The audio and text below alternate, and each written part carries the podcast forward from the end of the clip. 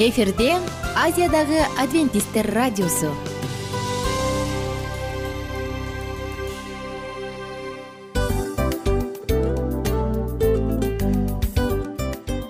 Достор салют.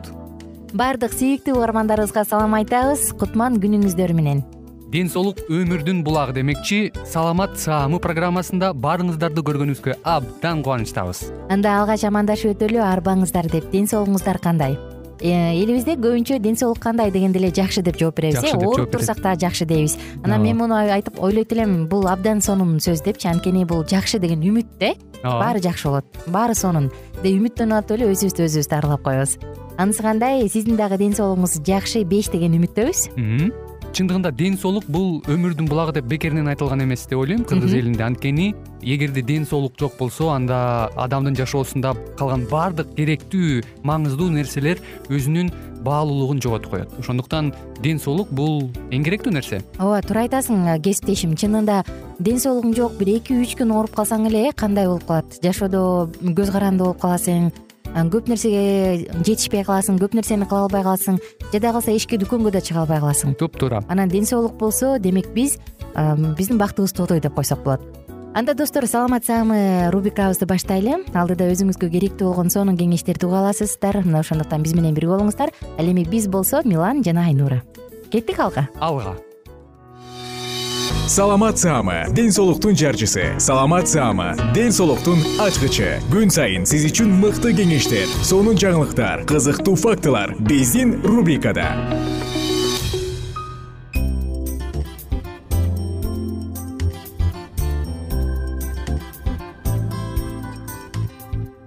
салют достор саламатсыздарбы? Угармандар сиздер менен амандашып мен кайрадан саатымды баштадым. Саламат саама рубрикасы жана бүгүнкү темабыз таманга кам көрүү деп аталат. Көбүнчө душтан чыкканда ваннадан чыкканда же мончудон чыкканда биз таманга көңүл бурбайбыз кээде аны арчыганды да унутуп калабыз да шап эле бутубузга тийген бут кийимди кийип алып чыгып кетебиз э? А бирок таман абдан абдан кам көрүүгө муктаж жер ошондуктан эгерде сиз өзүңүздүн таманыңызга кам көрүп жакшы туура жашагыңыз келсе оорубашын кааласаңыз анда албетте анын кайсы бир жараларын бир аз сүрүлүп же мозоль болуп калган жерин же жаракка кетип калган жерлерин баардыгын убагында дарылап туруңуз. Эми тамандардын гигиенасы жөнүндө айтсак негизи күнүнө таманга ванна жасап туруш керек жууп туруш керек. Өзгөчө сиз сейилдеп келгенден кийин же физикалык көнүгүү жасап тердегенден кийин кара жумуш жасагандан кийин сөзсүз түрдө бутту жууу зарыл. Андан соң бутту жакшылап сүртүп буттардын манжаларынын ортолорун дагы жакшылап сүртүп туруп анан аягында жөнөкөй эле кремдерди же болбосо жакшылап арчып кургатып же крем сыйпап койсоңуз болот. Көбүнчө күнүгө ванна жасап же болбосо күнүгө жууй турган болсок анда жөнөкөй эле суу керек. Ал эми кайсы бир учурларда кайсы бир гана учурларда биз сууга буларды кошуп койсок болот кычкыл самын же болбосо кычкылдуулугу беш бүтүн ондон беш пиашты түзгөн максималдуу кычкылдуулугу беш бүтүн ондон беш пайызды түзгөн гель кошуп койсоңуз болот. Ошондой эле чай багынын майын тимян орегано кошуп койсоңуз болот. Бир литрге он он беш тамчы. Буларда антисептикалык жана антигрибоктук касиети бар болгондуктан бутуңуз жыттанбайт ошондой эле достор буттардын гигиенасы жөнүндө сөз кылганда массаж жөнүндө айтпасак болбостур бутуңузду таза жууп алган соң бутуңузга тамандарыңызга массаж жасаңыз. Нымдандыруучу крем сүйкөп койсоңуз болот тери кургап кетпеш үчүн. Анан э, массажды ошондой эле сиз кадимки эле кунжут же зыгыр майынын майы менен жасасаңыз дагы абдан жакшы жаракаттарды айыктырып анан согончоктордун баардыгын тең аябай мындай жарылып кургап кетет эмеспи. Ошолордун баардыгын жакшы айыктырат. Өзгөчө бул жайында э биз шлепка кийип сланцы кийип жүргөн учурда. Ошондой эле достор тамандардын абалына дагы көңүл буруңуз. Булардын баардыгы тең. Мүмкүн жөн эле тытык болобу жаракатпы катып калганыбы мозольбу бородавкабы ушул сыяктуу териде ар кандай жарааттар болот эмеспи. Алардын баардыгына убагында көңүл буруңуз. Жана бутуңуздагы тырмактарды убагында алып туруңуз эгерде адамда кант диабети бар болсо же артериалдык ишемия бар болсо кан айлануунун начарлыгы анда сөзсүз түрдө бутта кандайдыр бир таманда көйгөй бар болсо врач подологко кайрылышы керек. Анткени алардын баардыгы тең чоң олуттуу сезгенүүлөргө инфицированияга алып келиши ыктымал эми достор кээде бутта өзгөчө бармактын тырмагы териге өсүп кетет эмеспи? Муну алдын алыш үчүн тырмакты туура кыркыш керек туура кылыш керек. Мына ошондуктан тырмакты мындай тегерээк абалдуу түрдө эмес абалдык формада эмес үстү жагын алып чет жактары өйдө карай өскөндөй кылып калтырып коюңуз. Мындай учурда тырмак териге кирип өспөйт. Ошондой эле калың жайыңкы келген мындай широкий деп коет эмеспизби кеңири жана ыңгайлуу бут кийим кийиңиз алар тамандын манжаларын бири бирине монтип сыгып тим эле тыгып койбосун. Ошондой эле эгерде сизде май таман сыяктуу анатомиялык бир өзгөчө себеп болуп турган болсо анда сөзсүз түрдө э, врач подологко дарыгер подологко кайрылыңыз дагы. Анан ал жактан атайын таманды корректировкалоочу ортопедиялык стельки деп коет эмеспизби? Дал ушундай нерсени алсаңыз дагы жакшы жардам берет ошондой эле достор ыңгайлуу бут кийим кийиңиз. Бут кийим ыңгайлуу жана жумшак болуш керек. Бутту эч качан сүрүп бутту жооруп салбашы керек. Анан бутту эч качан кыспаш керек. Ал эми каблуктун бийиктиги таканын бийиктиги эки үч сантиметр гана болушу керек. Андан ашпашы керек. Эгерде така андан бийигирээк боло турган болсо анда байламталарга тарамышка булчуңдарга жана таманга күч келтирери далилденген эми достор атлетикалык таман деген бар эмеспи? Атлетикалык таман бул инфекция. Аны грибоктор дерматофит грибоктору чакырат. Ошондуктан бул бутка жугат. Грибокто өзү айтылгандай эле. Адамдан адамга жугат. Колдон келишинче мындан алыс болгон жакшы. Анткени атлетикалык таманды тамандан айыгыш үчүн бир нече жумалар дагы кетип калышы мүмкүн. Ошондуктан антигрипоктук каражаттарды дайыма жаныңызга ала жүрүп колдонгонуңуз жакшы. Эгер сиз э, бассейнге коомдук жайларга барсаңыз жана сөзсүз түрдө өзүңүздүн гигиенаңызды сактаганыңыз зарыл ошондуктан достор мындай атлетикалык тамандан алыс болуш үчүн бассейн сауна спорт зал чечинүүчү жайларда жылаң айлак басып жүрбөңүз өзүңүзгө тиешелүү бут кийим шлепка болсун. Ваннадан кийин душтан кийин буттарыңызды бутуңуздун ортолорун дененин кайсы жеринде складка бар болсо колтукту бул э мындай бүгүлүүчү жерлердин баардыгын тең жакшылап сүркөңүз сүртүңүз анткени грибок нымдуу жерде абдан чоң көп өөрчүйт жана ным жана өтө эле туюк бут кийим менен кечке жүрбөңүз. Эгерде бутуңуз нымдалышып калдыбы анда дароо чечиңиз дагы байпагыңызды алмаштырыңыз. Ошондой эле атайын антиперспиранттарды колдонуңуз порошок түрүндөгү пластмасса сандалдарын кийбеңиз кийбеңиз алардын баардыгы тең нымдуулукту тартат ар бир күн сайын ванна душтагы полду ар бирин тең он проценттик хлордун эритмеси менен жууп тазалап коюп туруңуз. Ошондой эле достор грибокторду көбөйтүүчү кайсы бир дары дармектерди ичкенден баш тартыңыз. Өзгөчө антибиотиктерди. Алар жакшы бактериялардын баардыгын жок кылып коет жана кайсы бир бактериялардын өсүшүнө тоскоолдук кылат каркикестероидтерди ичпегенге аракет кылыңыз. Ошондой эле контрацепт жана гормоналдык препараттарды каражаттарды ичпегенге аракет кылыңыз.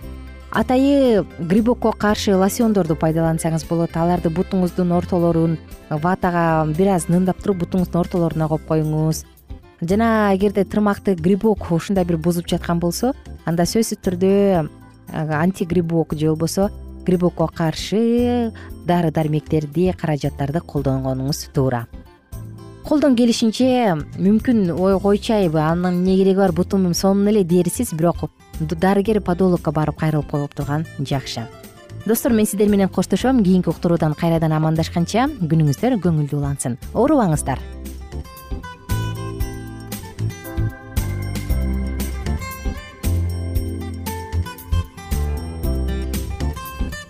кененирээк маалыматтар үчүн үч w чекит саламат чекит клуб сайтына келип таанышыңыздар. Жана андан тышкары социалдык тармактарда youtube facebook жана instagram баракчаларына катталыңыз. Саламат саама ден соолуктун жарчысы. Саламат саама ден соолуктун ачкычы. Күн сайын сиз үчүн мыкты кеңештер сонун жаңылыктар кызыктуу фактылар. Биздин рубрикада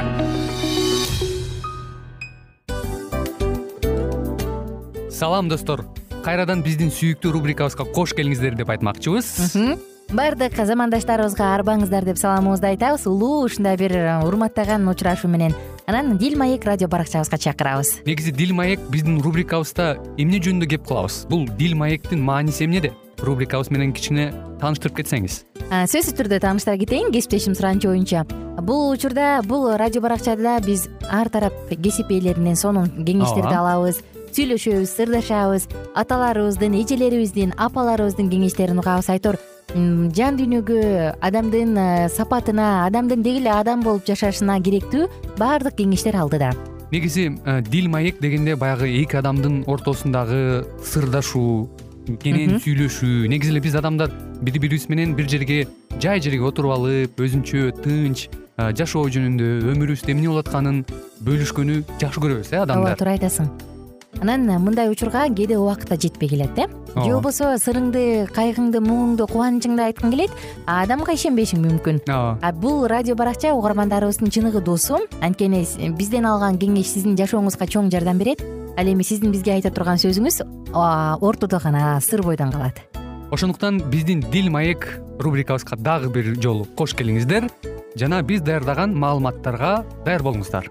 Айнура жана милан сиздер менен бирге алдыга кеттик ар түрдүү ардактуу кесип ээлеринен. Алтын сөздөр жүрөк ачышкан сыр чачышкан сонун маек. Дил маек рубрикасында.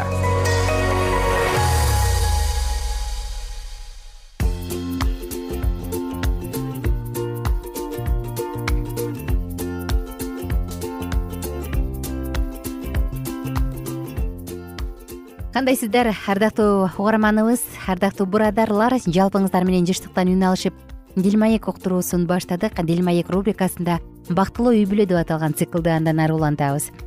Биз достор ата эне тууралуу же ата эне болуу тууралуу кененирээк сөз кылып жатканбыз. Бактылуу үй бүлөнүн ичинде мына ушул жөнүндө колдонгонбуз. Сөз кылганбыз. Мурунку уктуруубузда балдарга асмандын кичинекей э, жарандары кичинекей үй бүлө мүчөлөрү катары кам көрүп ошол жака даярдап аны тарбиялаш керек дегенбиз ошондой эле экономикалык мүмкүнчүлүктөрдү да сөз кылганбыз э.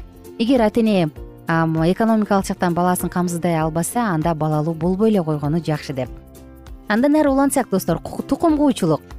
Ата энелердин денелик жана акыл эстүүлүк абалы аларга тукум аркылуу берилет. Эгерде ата энелердин ден соолук мыйзамына туура келбеген кылык жоруктары болсо анда алардын өз организмине жасаган зыяндуу залалы болочоктогу муунга дагы өз салымын чагылдырат.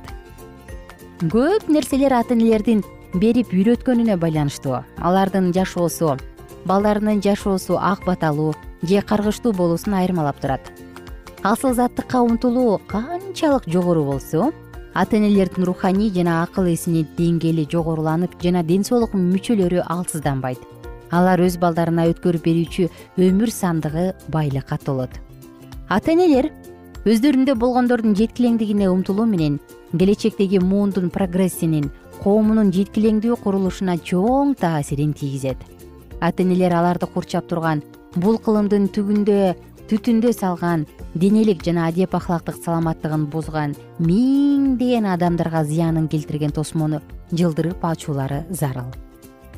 Эгерде жасалып жаткан кылмыштын себебин ачып көрө турган болсок кечирилгис кош көңүлдүк көргөзүү менен ата энелердин одонолук мамилелеринин ичинде дагы жатат. Балдарына сөз менен айткандай эле өз турмушунан үлгү көргөзүп тарбиясын көргөзбөй жатышкан ата энелер акырында кудай алдында жооп беришерин унутпасын.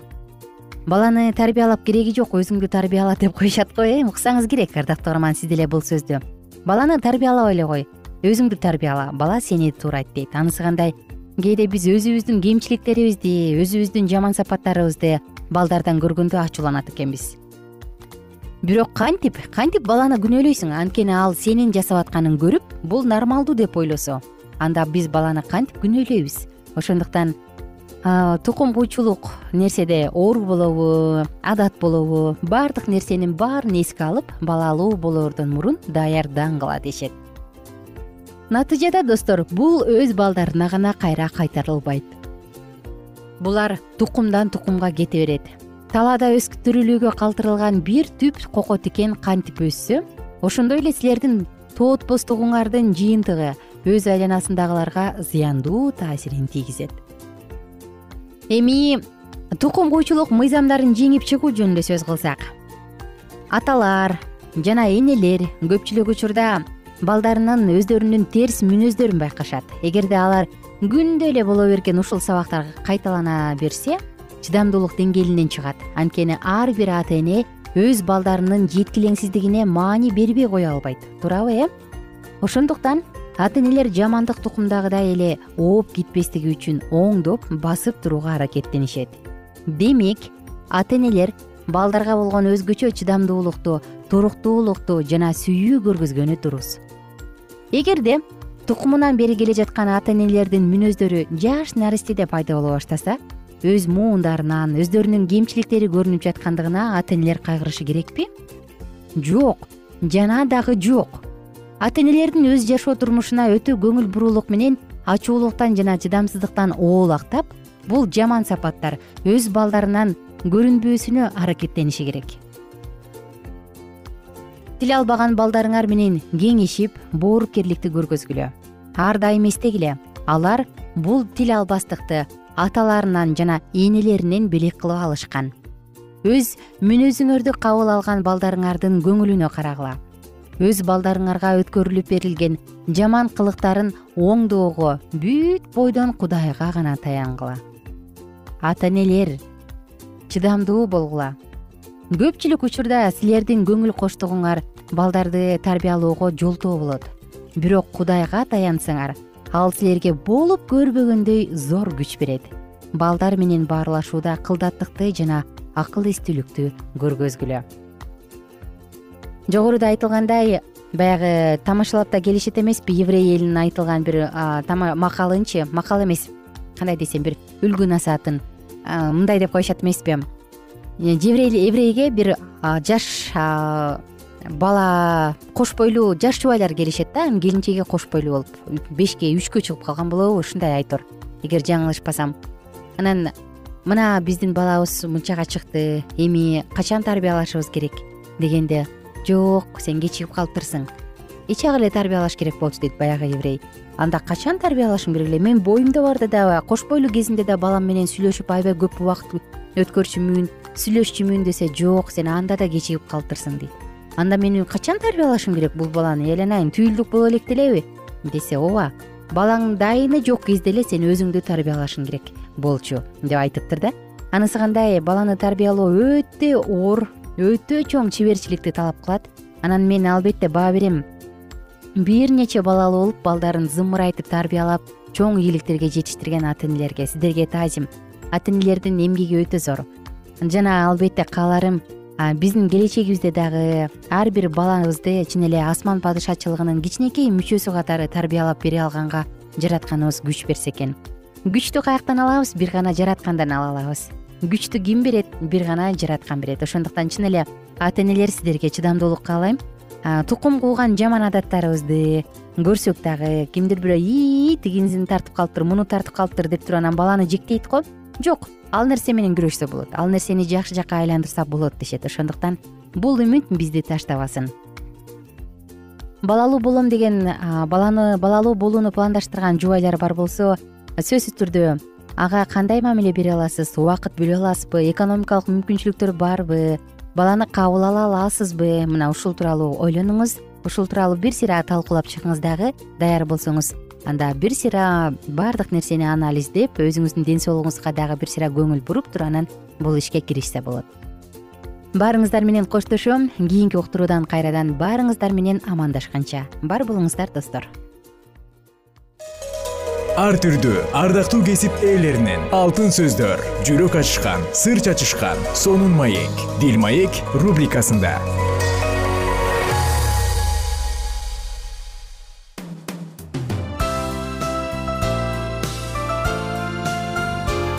эфирде азиядагы адвентисттер радиосу.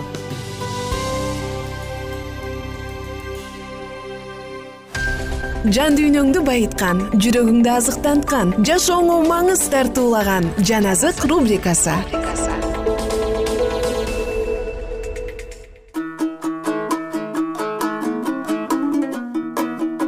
арбаңыздар жалпы биздин кадырлуу кыргыз элибиз. Жалпы угармандарыбыз менен саламдашып амандашып жан азык уктуруусун баштадык. Жана бүгүн дагы сиздер менен бирге лука жазган жакшы кабар китебин окууну улантабыз. Лука жазган жакшы кабар үчүнчү бөлүм он экинчи аяттан тарта. Салык жыйноочулар да сууга чөмүлдүрүлүү үчүн келип андан жакандан устат биз эмне кылышыбыз керек? деп сурашты. Жакан аларга силерге белгиленгенден ашык талап кылбагыла деп жооп берди. Аскерлер да андан бизчи биз эмне кылышыбыз керек? деп сурашты. Ошондо жакан аларга эч кимге кысым көрсөтпөгүлө бирөөгө жала жаппагыла өзүңөрдүн маянаңарга ыраазы болгула деп жооп берди. Куткаруучуну күтүп жүргөн эл жакан жөнүндө бул машаяк эмеспи? деп ойлошту. Жакан элдин бардыгына мындай деп жооп берди. Мен силерди сууга чөмүлдүрөм бирок менден күчтүү келет. Мен анын бут кийиминин боосун чечүүгө да татыксызмын. Ал силерди ыйык рухка жана отко чөмүлдүрөт. Анын күрөгү өз колунда. Ал өзүнүн кырманын тазалап буудайды кампасына жыйнайт ал эми саманды өчпөс отко салат. Жакан элге дагы көп нерселер жөнүндө насаат айтып жакшы кабарды жарыялап жүрдү. Ал башкаруучу иратты ашкере кылды. Анткени ират өзүнүн бир тууганынын аялы иродияны алып дагы көптөгөн жаман иштерди жасаган эле. Анысы аз келгенсип ал жаканды түрмөгө каматып койду бардык эл сууга чөмүлдүрүлүп жатканда ыйса чөмүлдүрүлдү. Ал сыйынып жатканда асман ачылып ыйык рух дене түрүндө көгүчкөн сыяктуу анын үстүнө түштү. Анан асмандан сен менин сүйүктүү уулумсуң мен сага ыраазымын деген үн угулду. Ыйса өзүнүн кызматын баштаганда отуз жаштын тегерегинде эле адамдардын ою боюнча ал жусуптун эйлинин мататтын лебинин мелхинин жанайдын жусуптун мататиянын амостун накумдун эслинин нагайдын мааттын мататиянын шемейдин жусуптун жүйүттүн жаханандын ресанын зоробабылдын шалтиэлдин неринин мелхинин адынын косамдын элмадамдын эрдин жосенин элезердин жоримдин мататтын лебинин шымыондун жүйүттүн жусуптун жонамдын элиякимдин мелеянын менанын мататанын натандын дөөттүн жышайдын обейттин бууздун салмондун нахшондун аминадаптын рамдын хесрондун перестин жүйүттүн жакыптын ыскактын ыбрайымдын терахтын нахордун серуктун реюнун пелектин эбрейдин шелахтын кайнандын арпакшаттын шемдин нухтун лемектин матушалдын энохтун жареттин маалалелдин кайнандын эноштун шеттин адамдын кудайдын уулу эле. Лука жазган жакшы кабар төртүнчү бөлүм. Ыйса ыйык рухка толуп иордандан кайтып келгенден кийин рух тарабынан чөлгө алынып барылды ошол жерде ал кырк күн шайтан тарабынан сыналды. Ошол күндөрү ал эч нерсе жеген жок. Акырында ал ачка болду. Ошондо шайтан ага эгерде сен кудайдын уулу болсоң анда мына бул ташка буйру ал нанга айлансын деди. Ыйсага мындай деп жооп берди. Ыйык жазууда адам нан менен гана эмес кудайдын ар бир сөзү менен жашайт деп жазылып турат ошондо шайтан аны бийик тоого чыгарып көз ирмемде ага дүйнөнүн бүт падышачылыктарын көрсөтүп сага ушул падышачылыктардын баарынын үстүнөн болгон бийликти жана алардын атак даңкын берем. Анткени ал мага берилген мен аны кимге кааласам ошого берем. Ошондуктан эгерде сен мага таазим кылсаң баары сеники болот деди. Ыйса ага кет жанымдан шайтан ыйык жазууда кудай теңириңе табын ага гана кызмат кыл деп жазылып турат деп жооп берди. Ошондо шайтан аны иерусалимге алып барып ибадаткананын төбөсүнө тургузуп мындай деди.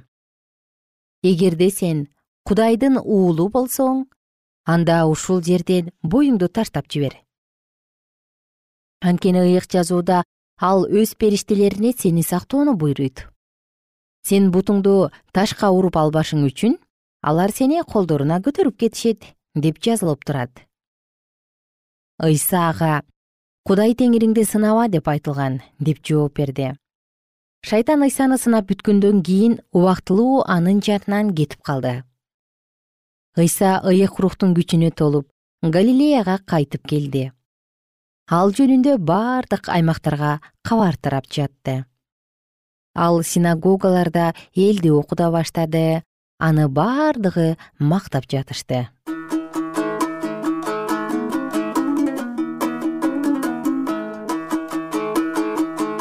Кымбаттуу угарман сиздер менен бүгүн биз лука жазган жакшы кабардан төртүнчү бөлүмдөн бир нече аяттарды окуп өттүк.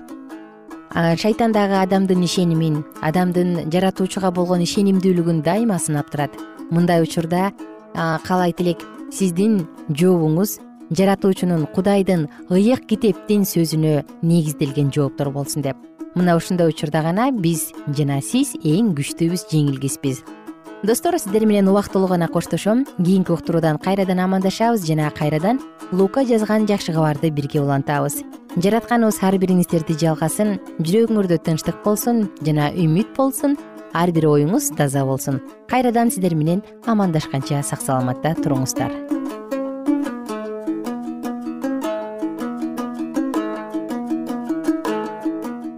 Эгер сиздерде суроолор болсо же көбүрөөк маалымат билем десеңиз анда биздин whatsapp номерибизге жазыңыз.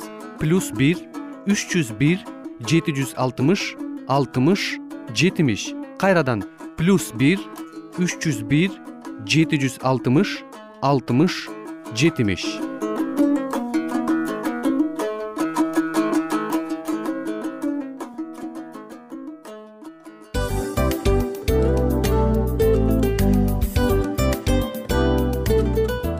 Ушул менен достор программабыздын уктуруубуздун эң кайгылуу мөөнөтүнө келип жеттик кайгылуу дегенде ыйлагым келип кетти кесиптеш. Кадимкидей. Анткени баягы учурашасың анан коштошуу учур келгенде ии кантип ии эми эми бат баттан келиптир э сагындырбай деп атып араң коштошобуз го.